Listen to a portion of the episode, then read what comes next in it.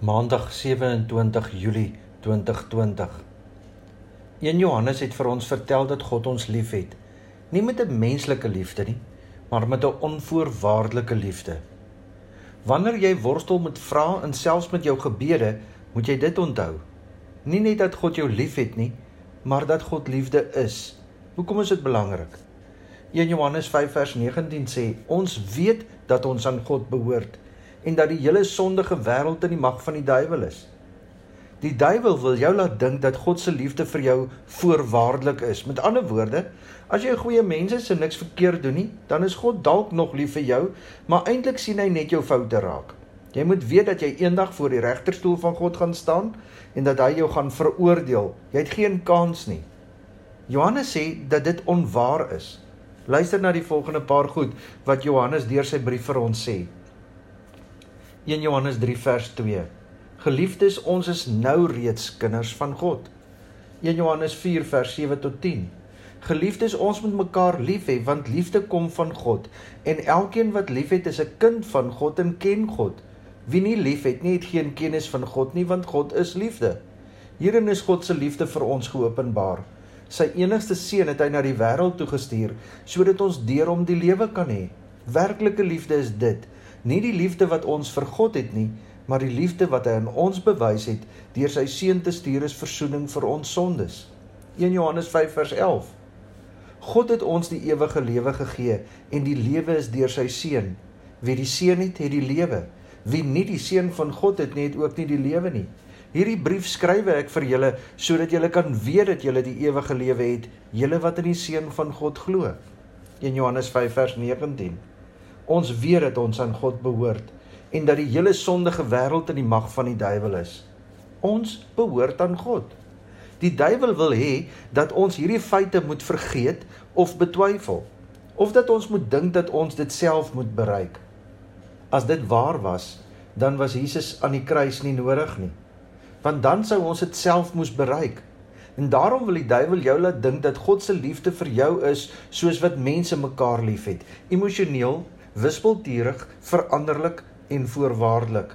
Maar dis nie waar nie. God se liefde vir jou is onvoorwaardelik. Die kruis en die leë graf is die bewys daarvan. Nou goed, waarom fokus ek nou hierop?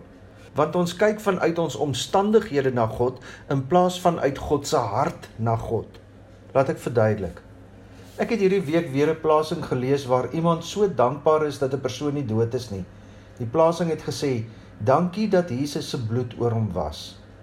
My reaksie: As die persoon dood gegaan het, sou dit dan beteken dat Jesus se bloed nie oor hom was nie? En beteken dit dan dat almal wat doodgaan, doodgaan omdat hulle nie onder die bloed van Jesus is nie? Dis tog onwaar. Natuurlik het Jesus daardie persoon beskerm. Ek stem daarmee met my hele hart saam. Maar Paulus sê, as ek lewe, leef ek tot eer van die Here, en as ek sterwe, sterf ek tot eer van die Here. Of ek dan lewe en of ek sterwe, ek behoort aan die Here. Wat beteken dit? Selfs al het die persoon gesterf, was hy onder die bloed van Jesus. Met sy vir Jesus aanvaar natuurlik as sy persoonlike verlosser. Daar is baie mense wat bly leef wat nie naby die bloed van Jesus is nie, soos 1 Johannes 5 vers 19 mos sê. Ons weet dat ons aan God behoort, maar die hele sondige wêreld is in die mag van die duiwel. Ongelukkig leef baie gelowiges uit hierdie denkstroom wat dink dat wanneer dit met jou goed gaan, is dit God se seën en wanneer dit swaar gaan, dan is dit God se straf. En dis natuurlik twak. As 'n gelowige hier op aarde vir hulle sonde gestraf word, dan beteken dit dat Jesus onsin gepraat het toe hy aan die kruis gesê het dit is volbring. Ja, ons dra die gevolge van ons dade. As ek sonder skoene deur dubbeltjies gaan loop, dan moet ek mos weet dat hulle my gaan steek. Dis nie straf van God nie. Dis my domheid. As ek deur my lewenstyl my lewe in gevaar stel, is dit nie God se straf as ek iets oorkom nie, want God gee my gesonde verstand om te kan kies of ek veilig of onveilig wil lewe.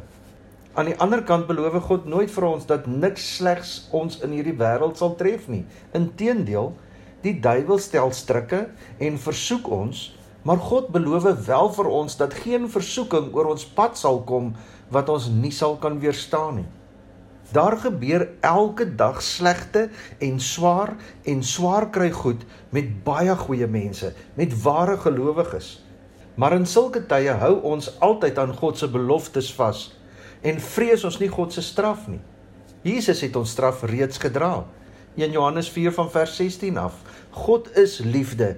Wie in die liefde bly, bly in God en God bly in hom. Hierin het die liefde sy doel volkome met ons bereik. Ons het niks te vrees vir die oordeelsdag nie, want in hierdie wêreld lewe ons reeds deur die liefde net soos Jesus. Waar liefde is, is daar geen vrees nie, maar volmaakte liefde verdryf vrees, want vrees verwag straf en wie nog vrees, het nie volmaakte liefde nie. As jy weet dat Jesus jou verlosser is, dan hoef jy nie God se straf en oordeel te vrees nie.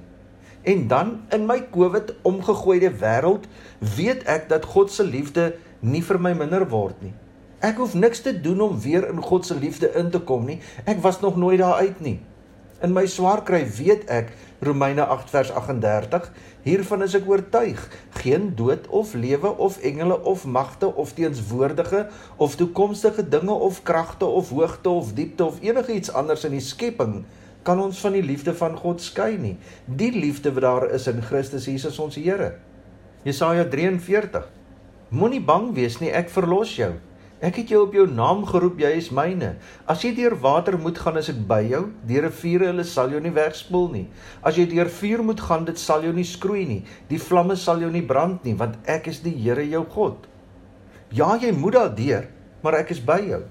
Soos Psalm 23 vers 2 sê, hy bring my by waters waar daar vrede is. Hy gee my nuwe krag. Al is jy op hierdie oomblik in die donkerste deel van jou lewe, mag en kan jy aan God se beloftes vashou. Hy sal jou nooit los nie. Kom ons bid saam. Vader, ons dra elke persoon aan U op wat se vingers seer aan U geklou is.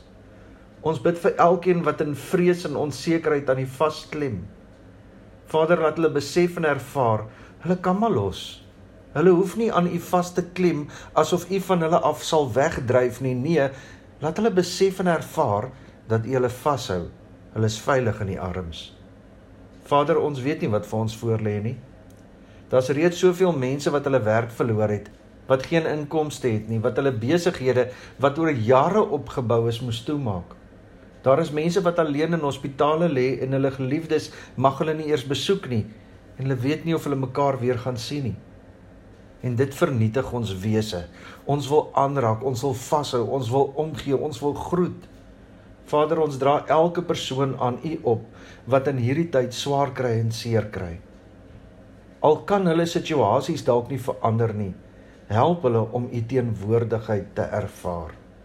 Here skenk aan ons U genade, lig waar ons net donker sien, moed waar ons vrees, hoop waar ons wanhoop, vrede waar ons gemoedere storm vreugde waar ons hartseer is, krag waar ons swak is, wysheid waar ons verward is, sagtheid waar ons bitter is, liefde waar ons haat.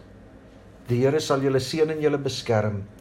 Die Here sal tot julle redding verskyn en julle genadig wees. Die Here sal julle gebede verhoor en aan julle vrede gee.